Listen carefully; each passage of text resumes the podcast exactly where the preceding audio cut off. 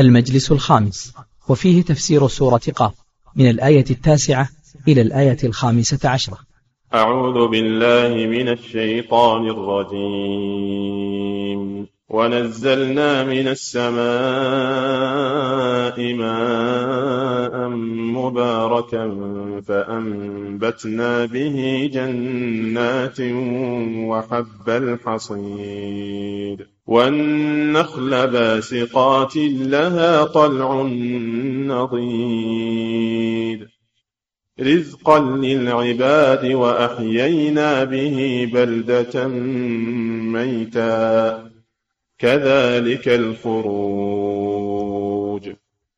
كذبت قبلهم قوم نوح وأصحاب الرس وثمود وعاد وفرعون وإخوان لوط وأصحاب الأيكة وقوم تبع كل كذب الرسل فحق وعيد أفعينا بالخلق الأول بل هم في لبس من خلق جديد. ولقد خلقنا الإنسان ونعلم ما توسوس به نفسه ونحن أقرب إليه من حبل الوريد. إذ يتلقى المتلقيان عن اليمين وعن الشمال قعيد. ما يلفظ من قول إلا لديه رقيب عتيد. وجاءت سكرة الموت بالحق ذلك ما كنت منه تحيد. ونفخ في الصور ذلك يوم الوعيد. وجاءت كل نفس معها سائق وشهيد. لقد كنت في غفلة من هذا فكشفنا عنك غطاءك فبصرك اليوم حديد. بسم الله الرحمن الرحيم. الحمد لله رب العالمين. صلى الله وسلم على نبينا محمد وعلى آله وأصحابه أجمعين. لما ذكر الله سبحانه وتعالى تكذيب المشركين لرسول الله صلى الله عليه وسلم وإنكار رسالته وإنكار البعث بعد الموت وذكر تكذيبهم بالحق وهو القرآن فإن الله سبحانه وتعالى ذكر البراهين القاطعة التي ترد عليهم مما يشاهدونه في مخلوقات الله العلوية والسفلية التي تدل على وحدانيته وعلى قدرته وعلى استحقاقه للعبادة وعلى قدرته على البعث. ومن جملة ذلك هذا البرهان الذي كل يشاهده ولا أحد ينكره وهو إنزال المطر من السماء وما يترتب عليه من المنافع التي منها إحياء الأرض بعد موتها. فقال ونزلنا نزلنا التنزيل شيئا فشيئا لأن المطر لا ينزل دفعة واحدة فيتضرر الناس وإنما ينزله الله شيئا فشيئا وعلى شكل نقط متفرقة لا ينصب على مكان واحد. فمن الذي يوزعه هذا التوزيع ويدبره هذا التدبير؟ ومن الذي يصرفه؟ فينزل في مكان دون مكان وفي أرض وفي زمان دون زمان. من الذي ينزل الغيث؟ هو الله جل وعلا. فكيف تستغربون أنه أنه يبعث الأموات وتنكرون البعث؟ وكيف تستنكرون أنه يرسل الرسول الذي معه غيث القلوب معه غيث القلوب وهو الوحي؟ فإن الله جل وعلا ينزل غيث الأرض فهو أيضا ينزل غيث القلوب الذي تحيا به القلوب وذلك من رحمته بعباده جل وعلا. ونزلنا التنزيل على هذه الصفة دليل على قدرة الله جل وعلا. قال تعالى وما ننزله إلا بقدر معلوم ونزلنا من السماء. السماء المراد به السحاب لأن كل ما علا وارتفع يقال له سماء. ولما كان السحاب فوق الأرض سمي سماء. ونزلنا من السماء ماء. الماء هو المطر الذي حمله الله؟ هذه السحب وساقها دبرها سبحانه وتعالى. من السماء ماء. هذا من العجائب أن الماء ينزل من السماء وينزل بقدرة قادر ولا يندفق أو ينصب إنما ينزل بمقادير محددة مباركا. البركة ثبوت الخير فهذا الماء فيه خير فيه خير وليس ماء مسلوب البركة والمنفعة وإنما فيه منفعة عظيمة ماء مباركا ومن بركته أنه يغذي الأشجار ويملأ الآبار ويشرب منه الناس بأنفسهم ودوابهم وزروعهم هذا من بركة هذا الماء. ويخزنه الله في الأرض لحاجة الناس. فهذا من عظيم قدرة الله جل وعلا. وكذلك هذا الماء مبارك من ناحية أثره من ناحية أثره. ولهذا كان صلى الله عليه وسلم يخرج في أول المطر ويحسر عن رأسه عليه الصلاة والسلام ويترك المطر ينزل عليه ويقول إنه ماء مبارك ماء مبارك طهورا عذبا فيه الغذاء أودع الله فيه من المنافع ما لا يعلمه إلا الله سبحانه وتعالى.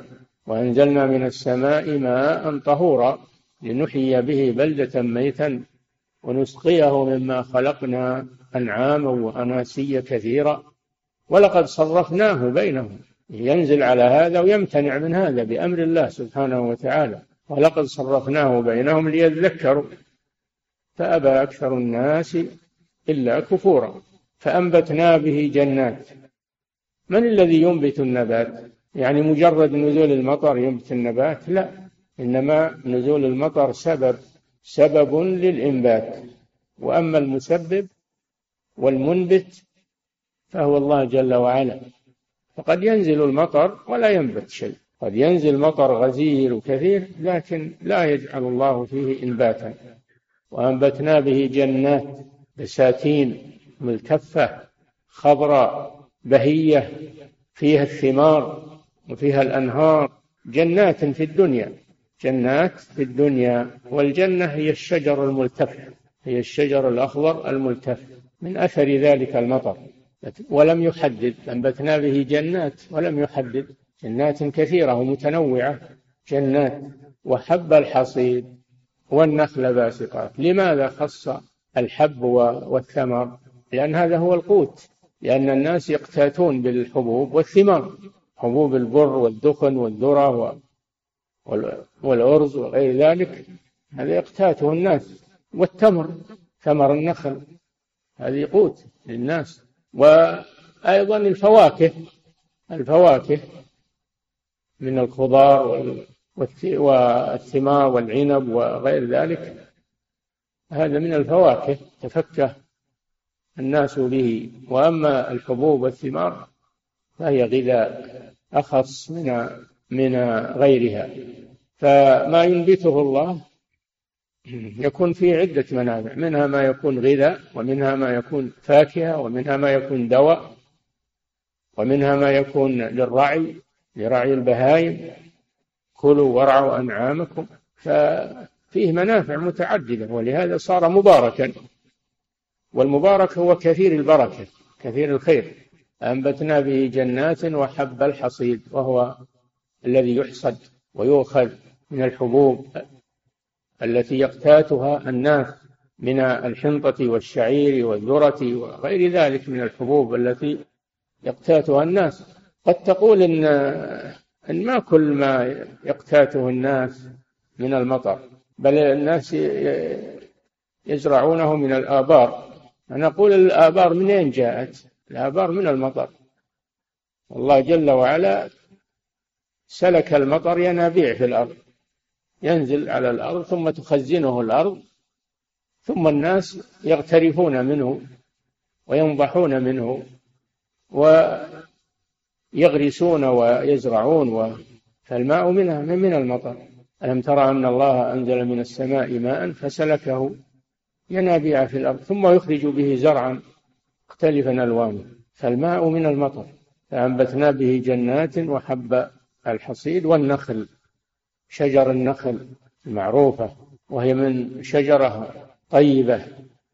شجرة طيبة وصفها الله بأنها طيبة كما قال تعالى ومثل كلمة طيبة ألم تر كيف ضرب الله مثلا كلمة طيبة كشجرة طيبة وهي النخلة كشجرة طيبة تؤتي أكلها كل حين آه، أصلها ثابت وفرعها في السماء هذه النخلة تؤتي أكلها كل حين بإذن ربها.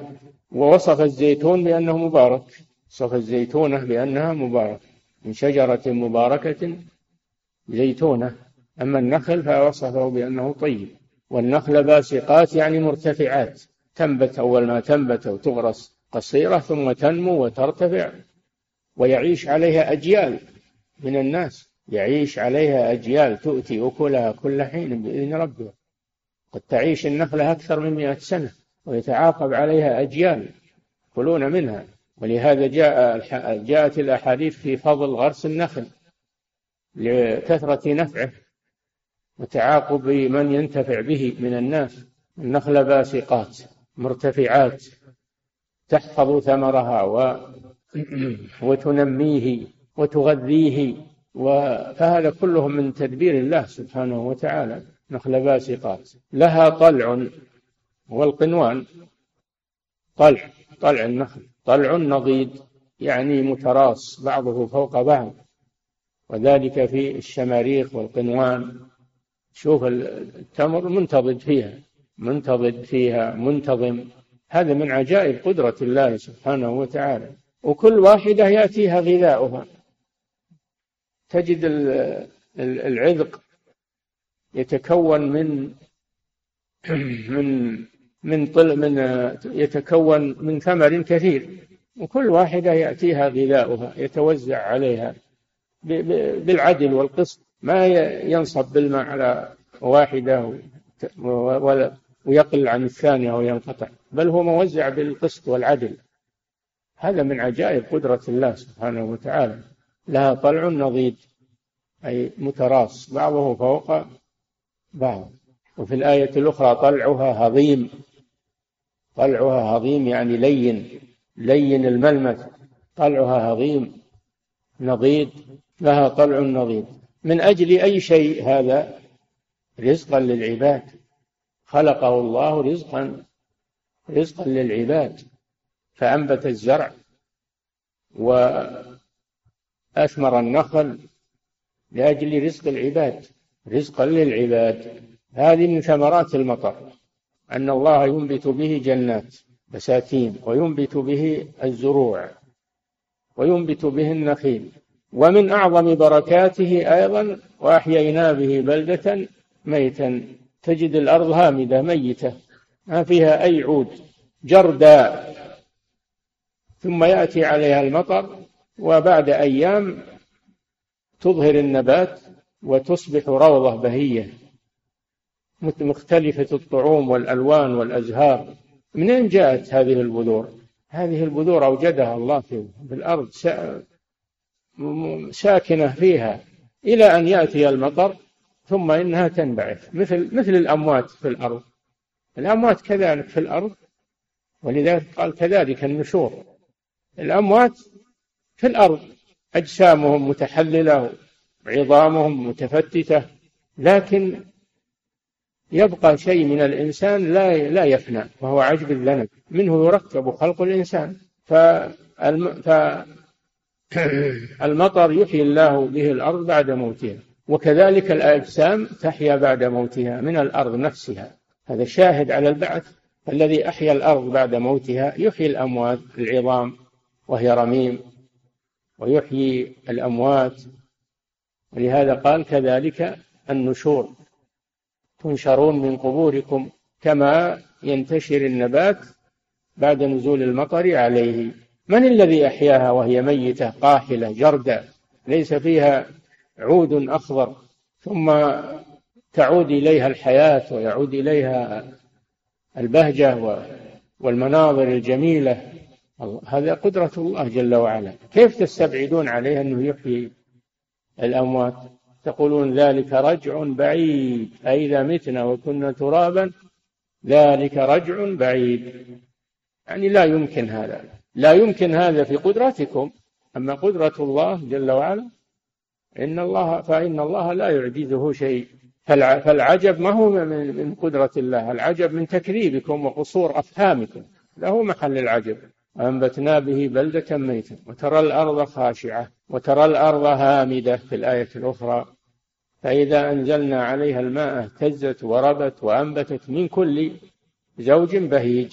وفي الآية الأخرى إن الذي أحياها لمحيي الموتى إنه على كل شيء قدير. فهذا من أدلة البعث. إحياء الأرض بعد موتها من أدلة البعث. أن الله يحيي الأجسام بعد موتها. هذا موت وهذا موت. وهذا فنى وهذا فنى. ثم بعد ذلك يعود.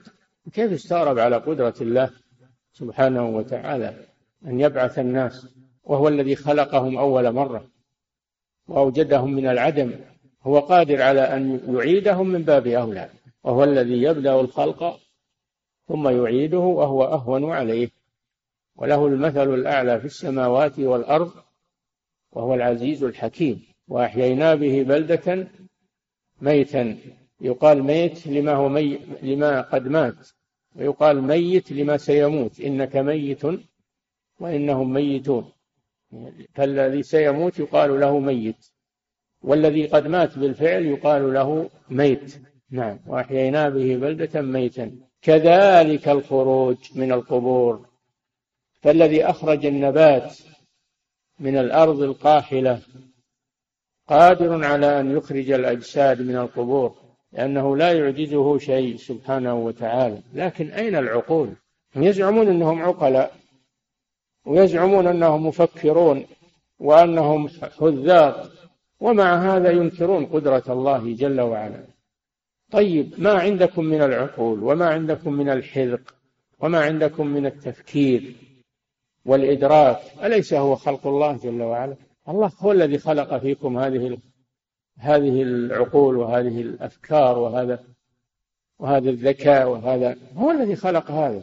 ليس ليس من ليس من قدرتكم ولا من صنيعكم وإنما هو صنيع الله جل وعلا. الله خلقكم وما تعملون.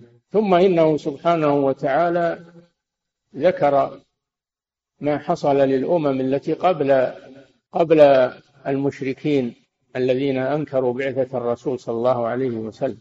ذكر ما صنع بهم فليعتبر هؤلاء. كذبوك أيها الرسول كذب قبلهم أمم. لست الوحيد الذي كذبت. ما يقال لك إلا ما قد قيل للرسل من قبلك. إن ربك لذو مغفرة وذو عقاب أليم. فإذا كانوا كذبوا محمدا صلى الله عليه وسلم فقد سبقهم أمم. ماذا حل بهم لما كذبوا الرسل؟ ماذا حل بهم؟ أهلكهم الله سبحانه وتعالى. وهؤلاء إذا لم يؤمنوا فسيأتيهم. نصيبهم من الهلاك. ما سيأتيهم نصيبهم من الهلاك. فلا يغتروا بقوتهم ويغتروا بثروتهم ويغتروا بعقولهم. ما ليسوا هم أذكى الأمم ولا هم أقوى الأمم. فإن الله أهلك الأمم السابقة وهو قادر على أن يهلك هؤلاء. لكن حلم الله جل وعلا وعفوه لا يعاجلهم بالعقوبة. لعلهم يتوبون ويرشدون يمهلهم سبحانه وتعالى. كذبت قبلهم أي قبل قومك أيها الرسول. كذبت قبلهم قوم نوح. نوح هو أول الرسل عليه الصلاة والسلام. قد بعثه الله إلى قومه لما غلوا في الصالحين وعبدوهم من دون الله عز وجل. أرسل الله إليهم نبيه ورسوله نوحا عليه الصلاة والسلام فدعاهم إلى الله.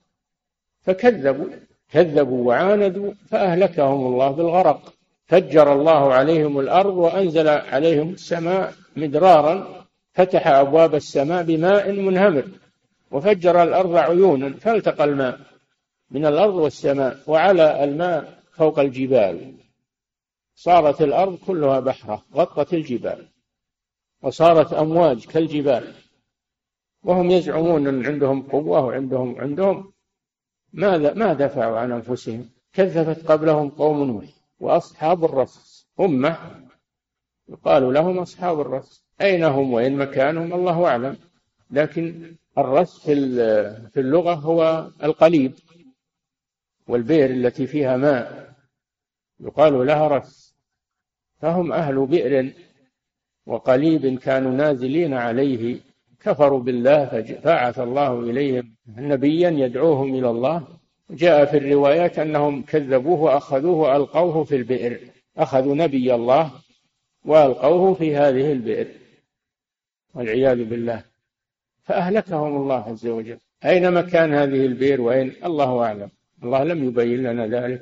وفيه أقوال كثيرة لكن الصواب أننا لا نحدد. إنما هذه هذا معناها. وأصحاب الرس وثمود. ثمود التي كانت تسكن بلاد الحجر التي الذين ينحتون الجبال بيوتا ولا تزال بيوتهم خاوية. إلى الآن بيوتهم لا تزال إلى الآن خاوية. لم تسكن من بعدهم.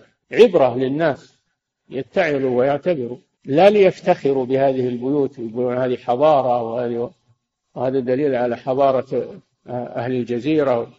هذا لا يفتخر به بل هذا يتعجب منه ويخاف ويخاف. الله أبقاها للتخويف للتخويف والإنذار للتخويف والإنذار. لم يبقها من أجل الآثار ومن أجل الافتخار بها والحضارة وما أشبه ذلك. تتخذ للسياحة. لا هذا لا يجوز. أبقاها عبرة وتذكرة. لمن يعتبر وثمود. كذبت قبلهم قوم نوح وأصحاب الرس وثمود وهي في وادي القرى على طريق الذاهبين من من من الحجاز إلى الشام يمرون عليها يمرون عليها في طريقهم. ومع هذا لم يعتبروا لم يعتبروا وهم يمرون على على هذه البلاد الخاوية ولا يعتبرون والعياذ بالله. وعاد وهم قوم هود ويسكنون في الأحقاف يسكنون في الأحقاف الجنوب الشرقي لجزيرة العرب وكان أعطاهم الله قوة في الأجسام وزادهم في الخلق بسطة. فاغتروا بقوتهم وقالوا من أشد منا قوة؟ من أشد منا قوة؟ أعجبوا بأنفسهم وقوتهم. ولما دعاهم نبي الله هود عليه السلام إلى عبادة الله وترك الشرك قالوا سواء علينا أوعظت أم لم تكن من الواعظين. إن هذا إلا خلق الأولين وما نحن بمعذبين. فكذبوه فأهلكناهم وقالوا من أشد منا قوة؟ أولم يروا أن الله الذي خلقهم هو أشد منهم قوة؟ وكانوا بآياتنا يجحدون. ما هم جهال؟ يعرفون هذا. لكن غرتهم قوتهم فجحدوا. قدرة الله جل وعلا. وزعموا أن ما على الأرض أحد أقوى منهم. بماذا أهلكهم الله؟ أرسل إليهم جنود وأسلحة وقوات؟ لا. أهلكهم الله بشيء بسيط وهو الريح. الريح الرقيقة. أرسلها الله عليهم فصارت تنزع الناس من الأرض إلى الجو والعياذ بالله. ثم تنكسهم على رؤوسهم. ويسقطون على الأرض فتندق أعناقهم. تنزع الناس كأنهم أعجاز نخل منقعد. وين القوة؟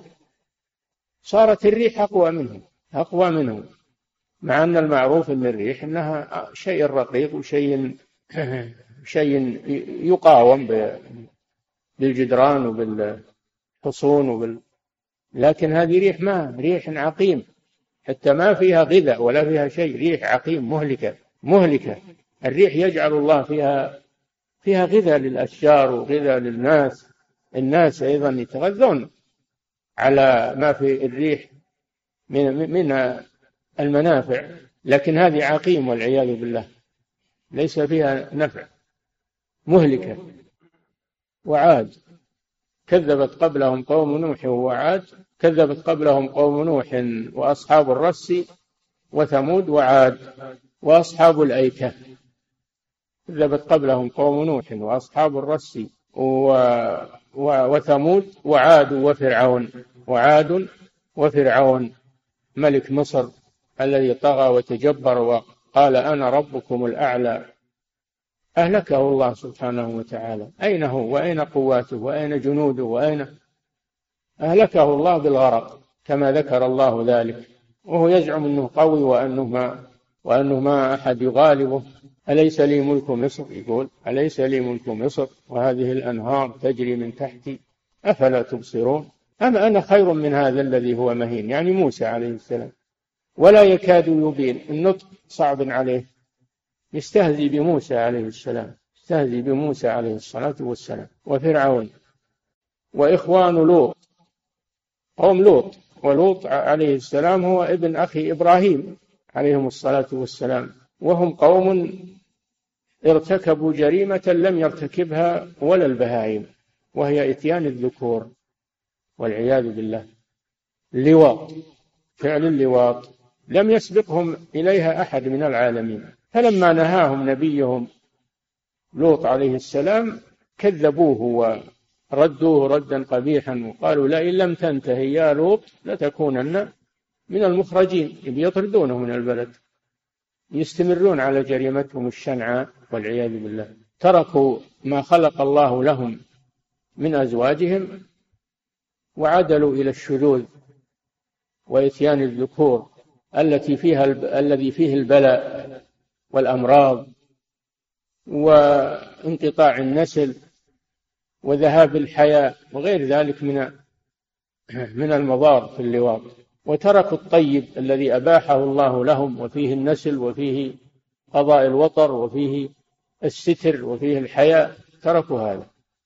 استبدلوا الخبيث بالطيب والعياذ بالله. وقوله إخوان لوط إخوانه من النسب وليسوا إخوانه في الدين وإنما المراد إخوانه من النسب.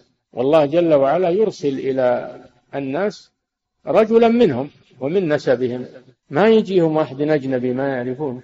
إنما يرسل إليهم رجلا منهم يحمله الله الرسالة ويبلغ هؤلاء. فمنهم من يؤمن ومنهم من يكفر.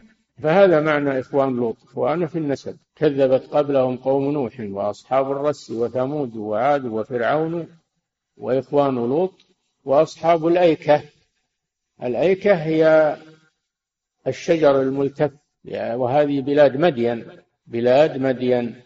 كذبوا شعيبا عليه السلام. كذبوا نبيهم شعيبا. وقوم تبع. تبع هو ملك من, من يملك اليمن يقال له تبع. كما أن من يملك مصر يقال له فرعون. فتبع من ملوك اليمن. كفر قومه بالله وعصوا الرسل فأهلكهم الله سبحانه وتعالى. كل كذب الرسل. شوف كل أي من هذه الأمم كذب الرسل. وتنبه. يقول كذب الرسل مع أنهم كل كل أمة إنما كذبت رسولها فقط. لكن من كذب رسولا واحدا فقد كذب بجميع الرسل لأن الرسل لأن الرسل سلسلة واحدة وكل واحد معه مثل ما مع أخيه الآخر من الرسالة. مرسل من الله. فمن كذب بواحد فإنه مكذب للجميع. ولهذا المؤمنون يقولون آمنا يقولون آمنا بالله وما أنزل إلينا وما أنزل إلى إبراهيم وإسماعيل وإسحاق ويعقوب والأسباط وما أوتي موسى وعيسى وما أوتي النبيون من ربهم. لا نفرق بين أحد منهم. آمن الرسول بما أنزل إليه من ربه والمؤمنون. كل آمن بالله وملائكته وكتبه ورسله. لا نفرق بين أحد من رسله إن الذين يكفرون بالله ورسله ويريدون أن يفرقوا بين الله ورسله ويقولون نؤمن ببعض ونكفر ببعض ويريدون أن يتخذوا بين ذلك سبيلا أولئك هم الكافرون حقا. فلا بد من الإيمان بجميع الرسل ولا بد من الإيمان بجميع الكتب المنزلة من عند الله سبحانه وتعالى. فمن كفر بكتاب واحد فهو كافر بجميع الكتب. من كفر بنبي واحد فهو كافر بجميع الأنبياء. كل كذب الرسل فحق وعيد. حق أي وقع بهم الوعيد الذي توعد الله به من كذب الرسل وهو الهلاك. فأهلكهم الله سبحانه وتعالى عن آخرهم. أين قوم نوح؟ أين قوم عاد؟ أين ثمود؟ أين الأمم التي كذبت رسلها أين هم؟ وهؤلاء سيأتيهم ما أتى على غيرهم إذا لم يؤمنوا. وقد وقع بهم ذلك فالله سلط عليهم رسوله والمؤمنين فغزوهم وقاتلوهم حتى نصرهم الله عليهم وأذلهم الله سبحانه وتعالى فحق عليهم الوعيد والعياذ بالله. كل كذب الرسل فحق وعيد. ثم قال جل وعلا أفعينا يعني عجزنا في الخلق الأول حتى إنكم تكذبون بالبعث بل هم في شك بل هم في؟ بل هم في لبس بل هم في لبس من خلق جديد وهو البعث. هل الله جل وعلا عجز عن الخلق الأول؟ وهو الإيجاد من العدم حتى يعجز عن الإعادة؟ الذي قدر على البداءة قادر على الإعادة. أفعينا بالخلق الأول؟ بل هم في لبس أي شك من خلق جديد. ما له داعي اللبس ولا الشك. هذا شيء واضح برهان قاطع. أن الذي أوجد الناس من العدم قادر على أن يوجدهم بعد الموت من باب أولى. هذه النتيجة. هذه النتيجة لكل ما سبق. الذي أحيا الأرض بعد موتها الذي خلق الناس من العدم الذي أنبت الأشجار والنباتات والثمار بعد عدمها قادر على أن يحيي الموتى قادر على أن يحيي الموتى. من باب أولى. فهذه الآيات فيها تقرير فيها تقرير رسالة محمد صلى الله عليه وسلم. وفيها تقرير البعث أنه حق وفيها تقرير القرآن وأنه من عند الله سبحانه وتعالى لا شك فيه. ففي هذا رد عليهم في هذه الأمور الثلاثة التي ذكرها الله في في أول السورة. وهكذا القرآن يشتمل على البراهين البراهين العقلية. والقطعية وفي نفس الأمر هي وحي من الله جل وعلا. فهو دليل عقلي ودليل سمعي برهان قاطع لا أحد يستطيع أن يرد عليه أو أن يكذبه. فقامت الحجة على على الخلق. لكن القرآن يحتاج إلى تدبر يحتاج إلى تفهم حتى ينتفع الإنسان به ويستخرج ما فيه من البراهين والأدلة. ويوضحها. ليس المراد بالقرآن التغني بتلاوته فقط أو التلذذ بسماعه هذا شيء طيب لكن هذا وسيلة هذا وسيلة والغاية هي الانتفاع بالقرآن والاهتداء بالقرآن والإيمان بالقرآن هذا هو المقصود. هذا والله أعلم وصلى الله وسلم على نبينا محمد وعلى آله وأصحابه أجمعين. صلى الله عليكم سماحة الوالد. يقول السائل هل تنصحون طالب العلم بكتاب فتح الرحمن في دروس القرآن للشيخ فيصل بن مبارك رحمه الله تعالى؟ في الحقيقة أنا ما قرأته لكن الشيخ عالم مشهور وداعية وداعية من الدعاة إلى الله عز وجل فما كتبه وألفه فيه نفع عظيم. نعم. صلى الله عليكم سماحة الوالد يقول يقول السائل بعض الناس يقولون إن فرعون موجود الآن ومحنط في المتحف واسمه رمسيس والثاني وهو فرعون موسى عليه الصلاة والسلام ويستدلون بهذه الآية بقوله تعالى فاليوم ننجيك ببدنك لتكون لمن خلفك آية. فهل هذا الاستدلال صحيح؟ لا هذا ليس بصحيح. ولا توجد جثة فرعون. من يثبت هذا؟ ومن يقول إن هذا فرعون؟ هذا كله تخرص. وأما قوله تعالى فاليوم ننجيك ببدنك لتكون لمن خلفك آية لأن بني إسرائيل شكوا في غرق فرعون فالله أراهم جثته حتى يتيقنوا أنه قد غرق لأنه جبار وكان أرهبهم وأزعجهم وخوفهم فهم لم يتأكدوا من موته. فالله جل وعلا أبرز لهم جثته حتى رأوه وتيقنوا أنه قد مات. نعم. صلى الله عليكم سماحة الوالد. يقول السائل ولم يقل لم يقل فاليوم نبقيك فاليوم نبقيك تكون لمن خلفك. قال ننجيك يعني من الغرق. أن الله جل وعلا أخرج جثته من البحر من أجل أن يروه حتى يتيقنوا موته. نعم. صلى الله عليكم سماحة الوالد يقول السائل كيف يصح القول بأن قوم لوط عليه السلام إخوان له من النسب مع أنه ترك بلاده وانتقل إليهم عندما ترك بلاده مع إبراهيم عليه السلام؟ من قال هذا؟ من قال أن لوط أنه ترك بلاده؟ الله جل وعلا قال فآمن له لوط. وأما قوله وقال إني مهاجر إلى ربي هذا إبراهيم عليه السلام. وقال أي إبراهيم عليه السلام إني مهاجر إلى ربي. نعم. صلى الله عليكم سماحة الوالد يقول السائل لماذا تنسب هذه الفعلة القبيحة وهي فعل الفاحشة إلى النبي الكريم لوط عليه السلام؟ ها؟ يقول تسمى باسم لوط عليه السلام وتنسب إليه. يقول علما بأنها ذكرت في القرآن بالفاحشة وإتيان الذكران من العالمين ولم يقل لواط ولم يثبت حديث بهذه اللفظة. هذا أنت قلته ولا ما ما نسب إلى لوط عليه السلام؟ وهذا عند العوام. لوط هذا اسمه. هذا اسمه العلم اسمه لوط. وأما الفاحشة فلا يقال لها يقال لها لواط وصاحبها يقال له لواطي لواطي ما يقال لوطي يقال لواطي من اللواط. فينسب إلى اللواط. وأما ف... فهذا نسبة إلى الفاحشة لواطي. أما لوط عليه السلام هذا اسمه. نعم. اسمه العلم فآمن له لوط. نعم. صلى الله عليكم سماحة الوالد. يقول السائل هناك دكتور في التفسير يدرسنا ويمدح كتاب تفسير الرازي ويلوم الطلاب على عدم الاطلاع عليه وينقل عن أحد العلماء المعاصرين أنه لا يجد بغيته إلا فيه. فما هو توجيهكم حيال هذا الكتاب? لا هذا غش للطلاب لأن كتاب الرازي فيه أخطاء كثيرة من ناحية العقيدة لأنه أشعري ولأنه من علماء الكلام. علماء المنطق وكان معجبا بعلم المنطق.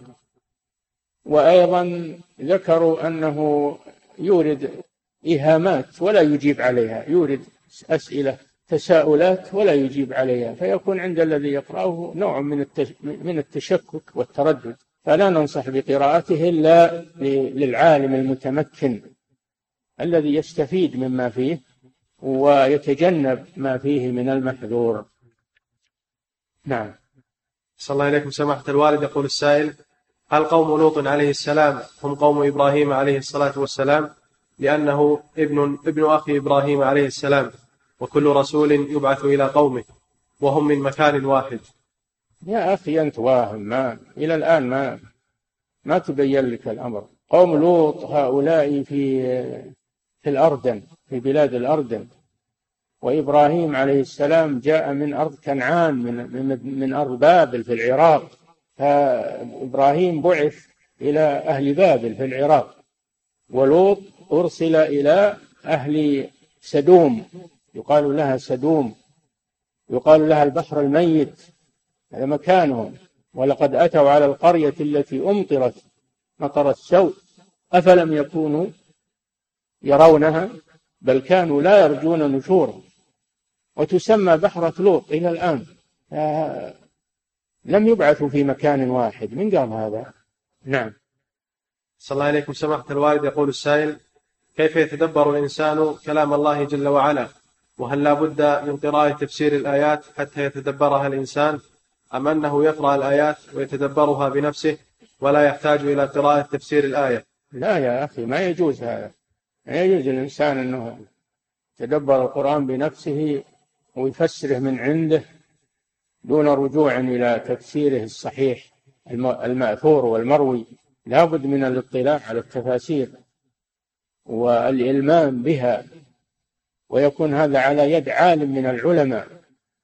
أما المبتدئ ما يكفي أنه يطالع التفاسير. يعني يجي يجي في التفاسير أخطاء ويجي فيها أشياء غير صواب ولا يفحصها ويبين ما فيها إلا العلماء. فلا بد من الارتباط بالعلماء ولا بد من قراءة كتب التفسير الصحيحة. ما هو بكل تفسير. نعم. صلى الله عليكم. سماحة الوالد يقول السائل قامت إحدى القنوات الإسلامية بعرض أفلام لتنقيبات للآثار القديمة. نعم. يقول أحسن الله إليكم. قامت إحدى القنوات الإسلامية بعرض أفلام لتنقيبات لتنقيبات للآثار القديمة في عدة دول إسلامية وذلك منهم فما حكم هذا العمل؟ وهل هو من إحياء آثار الجاهلية؟ قامت إيش؟ صلى الله عليه قامت إحدى القنوات الإسلامية. بعرض أفلام لتنقيبات للآثار القديمة.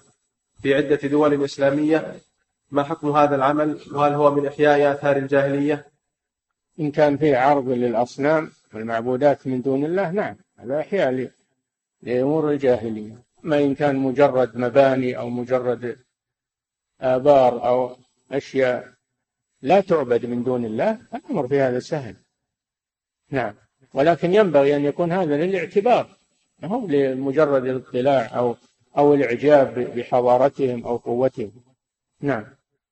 صلى الله عليكم سمع. أما الأصنام فلا يجوز بحثها ولا إخراجها ولا نشرها في الفضائيات ولا غيرها لأن هذا إحياء للأصنام. وربما أو أن هذا متأكد أن بعض الناس سيميل إليها ويتأثر بها. فهذا يكون من الدعوة إلى الشرك ومن وسائل الشرك. النبي صلى الله عليه وسلم لما دخل مكة حطم الأصنام التي على الكعبة والتي على الصفا والمروة حطمها وأرسل أصحابه إلى تحطيم الأوثان التي هي خارج مكة كاللات والعزى ومناة الثالثة الأخرى. ما قال تبقى على أنها ثار بل أمر بتحطيمها. حتى إن أهل الطائف طلبوا من النبي صلى الله عليه وسلم أن يمهلهم في تحطيم اللات مهلة يسيرة فأبى صلى الله عليه وسلم أبى أن يمهلهم. وأمر بتحطيم اللات. وأرسل إليها أبا سفيان والمغيرة بن شعبة هدماها لم يمهلهم. دل على أنه لا يجوز الإبقاء على الأصنام بل يجب إتلافها. فضلا عن البحث عنها وإظهارها للناس. نعم. صلى الله عليكم. سماحة الوالد يقول السائل هل يصح القول بأنه عندما تأتي لفظ ريح بهذا اللفظ يعتبر عذاب وعندما تأتي بلفظ رياح فهي رحمة وخير؟ لا حتى الرياح تأتي حتى الريح تأتي بالنفع. الريح تكون طيبة أيضا. هو الذي يسيركم في البر والبحر حتى إذا كنتم في الفلك وجرين بهم بريح طيبة. دل على أن الريح تكون طيبة أيضا. فالتوهم بأن هنا الريح إنها للعذاب مطلقة وأن الرياح أنها للرحمة هذا غلط. نعم. صلى الله عليكم سماحة الوالد. يقول السائل هل كان النبي صلى الله عليه وسلم يضع العمامة عن رأسه في بداية المطر؟ أم أنه يضعه في كل أوقات المطر؟ في أول المطر. يخرج في أول المطر فيصيبه منه من المطر. نعم. صلى الله عليكم سماحة الوالد. يقول السائل في سورة الشعراء يذكر الله جل وعلا كل نبي ويذكر أنه أخو قومه إلا شعيب عليه السلام. فهل هو, فهل هو أخ لقومه أم لا؟ أخ لقومه من النسب. قلنا لكم من النسب لا من الدين. ما فيه أخوة بين المؤمن والكافر. وإنما هذه أخوة من النسب بمعنى أنه منهم ويعرفونه ويتكلم بلسانهم. نعم. صلى الله عليكم سماحة الوالد. يقول السائل هل يصح الأثر الذي ورد بكتابة آيات في إناء بالزعفران ويخلط بماء المطر فيشرب للشفاء؟ وهل يصح فعل هذا؟ نعم أما كتابة الآيات ومحوها وشرب مائها هذا لا بأس به لأنه من أنواع الرقية لأنه من أنواع الرقية. أما خلط بماء المطر فلا أعرف ما ما أدري. نعم. صلى الله عليكم سماحة الوالد. يقول السائل يوجد مدرس يدرسنا التفسير في الجامعة وقد نفى ذات يوم صفة العجب عن الله جل وعلا وحاورته بعد انتهاء المحاضرة فأصر على ما يقول فما هو الواجب علي تجاهه؟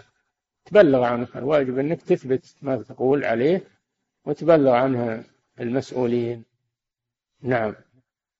صلى الله إليكم سماحة الوالد يقول السائل يقول بعض الناس عند نزول الأمطار هذه الأمطار لا بركة فيها فهل هو مناقض لما ورد في الآية؟ ما أدري ما. لا بركة فيها وش يدري أن ما فيها بركة؟ ينفي عنها البركة؟ وش يدري؟ آه الله جل وعلا يقول ماء مباركا. تقول لا أن هذا ما هو مبارك. ما يصلح. نعم. صلى الله عليكم سماحة الوالد يقول السائل في قول الله جل وعلا يوم ترى كل وأنا قلت لكم أن المطر سبب. المطر سبب للنبات. قد لا ينبت لأن النتيجة عند الله جل وعلا. المطر مجرد سبب. ولا يوجب النبات. هذا مما يدل على أن الأمور بيد الله سبحانه وتعالى. نعم. صلى الله عليكم سماحة الوالد. يقول السائل في قول الله جل وعلا يوم ترى كل أمة جاثية كل أمة تدعى إلى كتابها اليوم تجزون ما كنتم تعملون. هل المقصود كل أمة من كل نبي؟ وما هو المراد بكتابها؟ كتاب أعمالها. المراد بكتابها كتاب أعمالها. يعني كل إنسان محصن عليه عمله في كتاب يعطى إياه يوم القيامة يقرأه ولا ينكر منه شيئا. نعم. صلى الله عليكم سماحة الوالد. يقول السائل سمعت أحد قال تعالى يوم ندعو كل أناس بإمامهم يعني بكتابهم. نعم. صلى الله عليكم سماحة الوالد يقول السائل سمعت أحد الإخوة يحلف ويقول والله ومحمد رسول الله فأنكرت عليه بأن هذا شرك فهل إنكاري عليه صحيح؟ إيش؟ يقول أحسن الله إليكم سمعت أحد الإخوة يحلف ويقول والله ومحمد رسول الله فأنكرت عليه بأن هذا شرك فهل يصح إذا كان يقول والله ومحمد رسول الله لا يحلف بالله وبمحمد هذا شرك هذا شرك.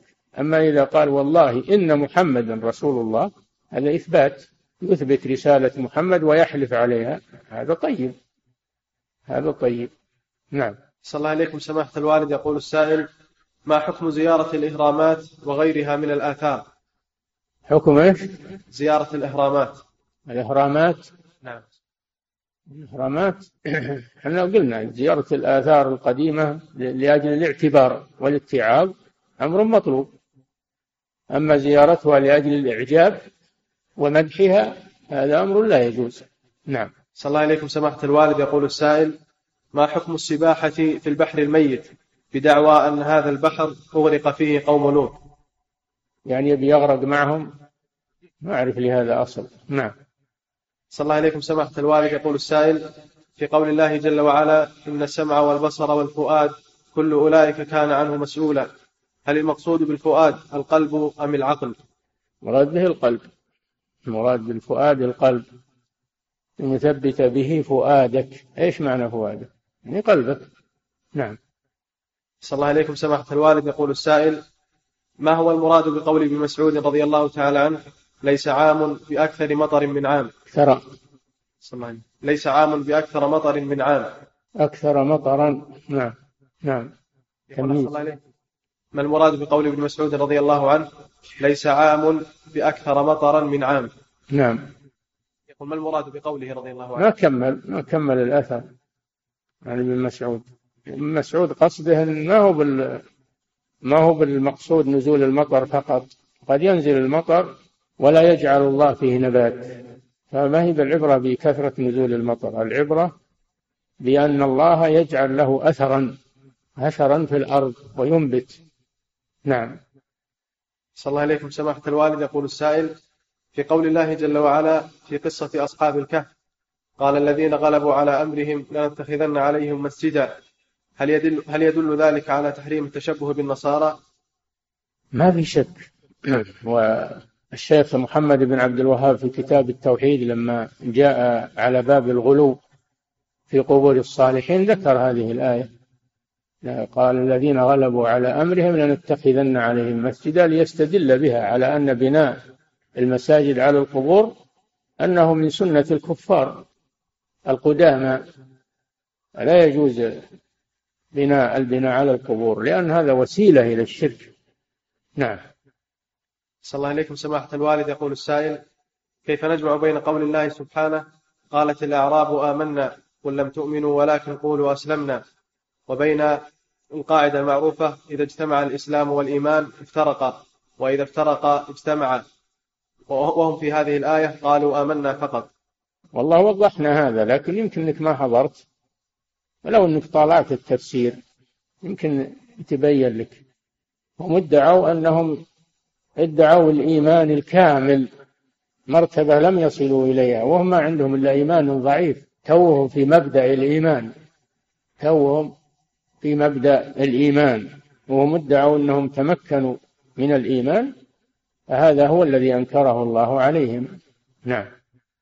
صلى الله عليكم سماحة الوالد. يقول السائل ما حكم أكل لحوم الغنم التي تأكل النجاسة وما حكم شرب لبنها؟ هذا في حديث إنه نهى عن أكل لحوم الجلالة وشرب البانها حتى تحبس ثلاثا وتطعم الطيب حتى يزول عنها تغذي بالخبيث. نعم. من الغنم وغيرها. والجلالة هي التي تأكل النجاسة. نعم.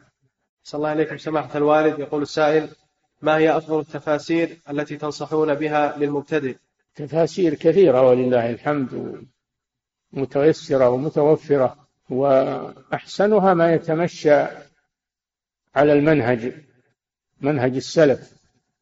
تفسير القرآن بالقرآن تفسير القرآن بالسنة تفسير القرآن بأقوال الصحابة تفسير القرآن بأقوال التابعين تفسير القرآن باللغة التي نزل بها وهي لغة العرب. أما تفسير القرآن بالأفكار والنظريات الحديثة هذا غلط. نعم. صلى الله عليكم سماحة الوالد. يقول السائل ما المراد بقول الله جل وعلا ولا تجهر بصلاتك ولا تخافت بها؟ هذا لما كان الرسول صلى الله عليه وسلم في مكة وكان يقوم ويصلي بالليل يجهر بالقراءة كان المشركون يجتمعون ليؤذوه ويسخروا من القرآن. الله جل وعلا أمره بعدم الجهر. من باب درء المفاسد. من باب درء المفاسد. قال لا تجهر بصلاتك حتى إن الكفار يؤذونك ويسخرون من القرآن ولا تخافت بها بحيث إنك ما تسمع نفسك. وابتغي بين ذلك سبيلا بين الجهر والإخفات. نعم. صلى الله عليكم سماحة الوالد. يقول السائل هل لما فتح الله أبواب السماء المقصود به السحاب أم السماء الفعلية؟ السحاب السحاب. أنزلنا من السماء ماء يعني من السحاب. الماء ما هو بينزل من السماء المبنية سبع الطباق إنما ينزل من السحاب. سماه الله سحابا السحاب المسخر بين السماء والأرض. نعم. صلى الله عليكم سماحة الوالد. يقول السائل هل الأسباط أنبياء؟ وهل هم إخوة يوسف عليه السلام؟ الأسباط نعم هم إخوة يوسف أو أولاد يعقوب عليه السلام. إما أنهم أنبياء فلا أدري. نعم. صلى الله عليكم سماحة الوالد. يقول السائل هل اسم عبد الوحيد فيه تعبد لغير الله أم أنه اسم من أسماء الله جل وعلا؟ الوحيد ما أعلم أنه من أسماء الله من أسماء الله الواحد. واحد الأحد الفرد الصمد فإذا قيل عبد الواحد فأحسن من قول الوحيد. الوحيد ما أدري. نعم. صلى الله عليكم سماحة الوالد. يقول السائل نسب أحد الوعاظ في أحد المساجد إليكم القول بأن المسبل إذا أذن فإن أذانه لا يصح ويعاد ذلك الأذان. فهل هذا القول عنكم صحيح؟ المسلم؟ المسبل. المسبل؟ نعم. هذا كذب واضح. أنا ما قلت هذا ولا أقوله إن شاء الله. المسبل لا شك أنه فاعل معصية كبيرة من كبائر الذنوب أما أنه لا يصح إذانه. فلم أقل هذا وأعوذ بالله أني أقول شيء من غير آه، دليل ومن غير نعم. المسلم يصح أذانه. هل المسبل مسلم ولا ما هو مسلم؟ المسبل, المسبل مسلم لكنه عاصي معصية. فما دام أنه مسلم يصح يصح أذانه. نعم. صلى الله عليكم سماحة الوالد. يقول تقول السائلة نذرت وأنا صغيرة لم يتجاوز عمري 12 سنة. 12 سنة. أنا نعم. تقول أحسن الله إليكم نذرت وأنا صغيرة ولم يتجاوز عمري 12 سنة. ما تقول 12 أبد. هذا أنت اللي قلت ها؟ 12 اثني اثنتي عشرة سنة. نصوب نعم. يقول أحسن الله إليكم نذرت وأنا صغيرة ولم يتجاوز عمري اثنتي عشر سنة. عشرة. مم. لم يتجاوز عمري اثنتي عشرة سنة. نعم. أن أعتكف في منزلي العشر الأواخر من رمضان. إلا أنني لم أستطع الوفاء بهذا النذر. فقمت بإطعام عشرة مساكين.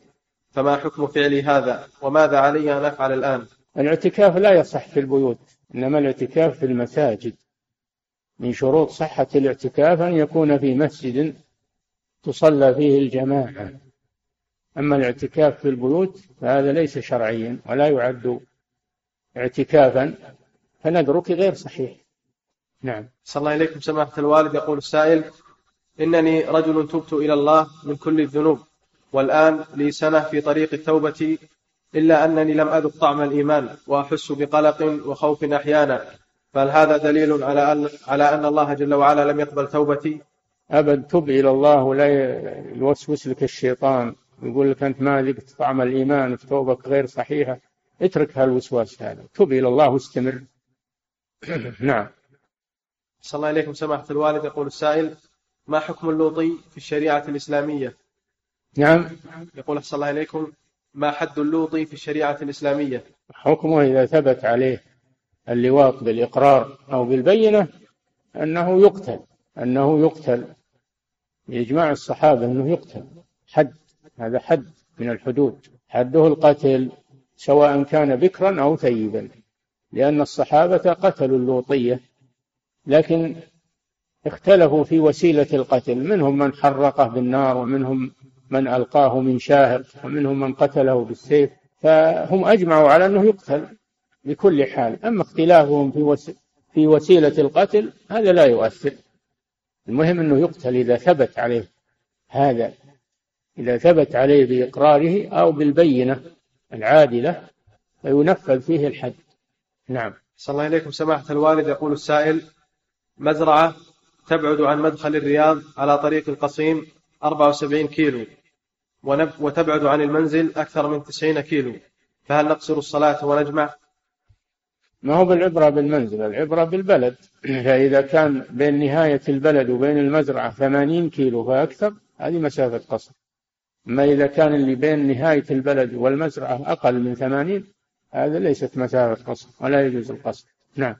الله إليكم سماحة الوالد يقول السائل هل يمكن أن أبيع ما ثمنه خمسة عشر ريالا بثمانمائة ريال؟ نعم. يقول أحسن الله إليكم. هل يصح لي أن أبيع ما ثمنه خمسة عشر ريالا بما ثمنه مئة ريال؟ بما ثمنه؟ يقول أن أبيعه بمئة ريال. هذا إن كان من باب الكذب والخداع فلا يجوز. أما إذا كان ارتفع السعر إذا كان السعر ارتفع لا بأس بذلك. أما إذا كان السعر لم يرتفع وإنما أنت خدعت المشتري أو كذبت عليه هذا لا يجوز. نعم. صلى الله إليكم سماحة الوالد. يقول السائل ما هو المراد بذي القرنين ويأجوج ومأجوج؟ يقول أحسن الله إليكم ما هو المراد بذي القرنين؟ قرنين ملك من الملوك. مكنه الله في الأرض وهو ملك مسلم. مكنه الله في الأرض والسير فيها كما ذكر الله قصته في آخر سورة. الكهف والثاني منه وليس بنبي إنما هو ملك مسلم. نعم. يقول أحسن الله إليكم يأجوج ومأجوج. يأجوج ومأجوج أمة. أمة من بني آدم يخرجون على الناس في آخر الزمان وخروجهم من علامات الساعة. فيعيثون في الأرض فسادا ويقتلون من ي... من ي... يصلون إليه. ويحصل على الناس منهم مضايقة كبيرة ويشربون المياه ويتعذب الناس منهم. ثم إن الله يبعث عليهم مرضا في أعناقهم فيموتون عن آخرهم ويستريح الناس من شرهم وخروجهم من علامات الساعة. حتى إذا فتحت فتحت يأجوج ومأجوج وهم من كل حدب ينسلون واقترب الوعد الحق. يعني خروجهم من قيام من علامات الساعة الكبار. نعم. صلى الله إليكم سماحة الوالد. يقول السائل المال الذي خصص لبناء مسجد وكان لا يكفي لبناء المسجد فنمي بالتجارة حتى يصل إلى المبلغ المطلوب لبناء المسجد.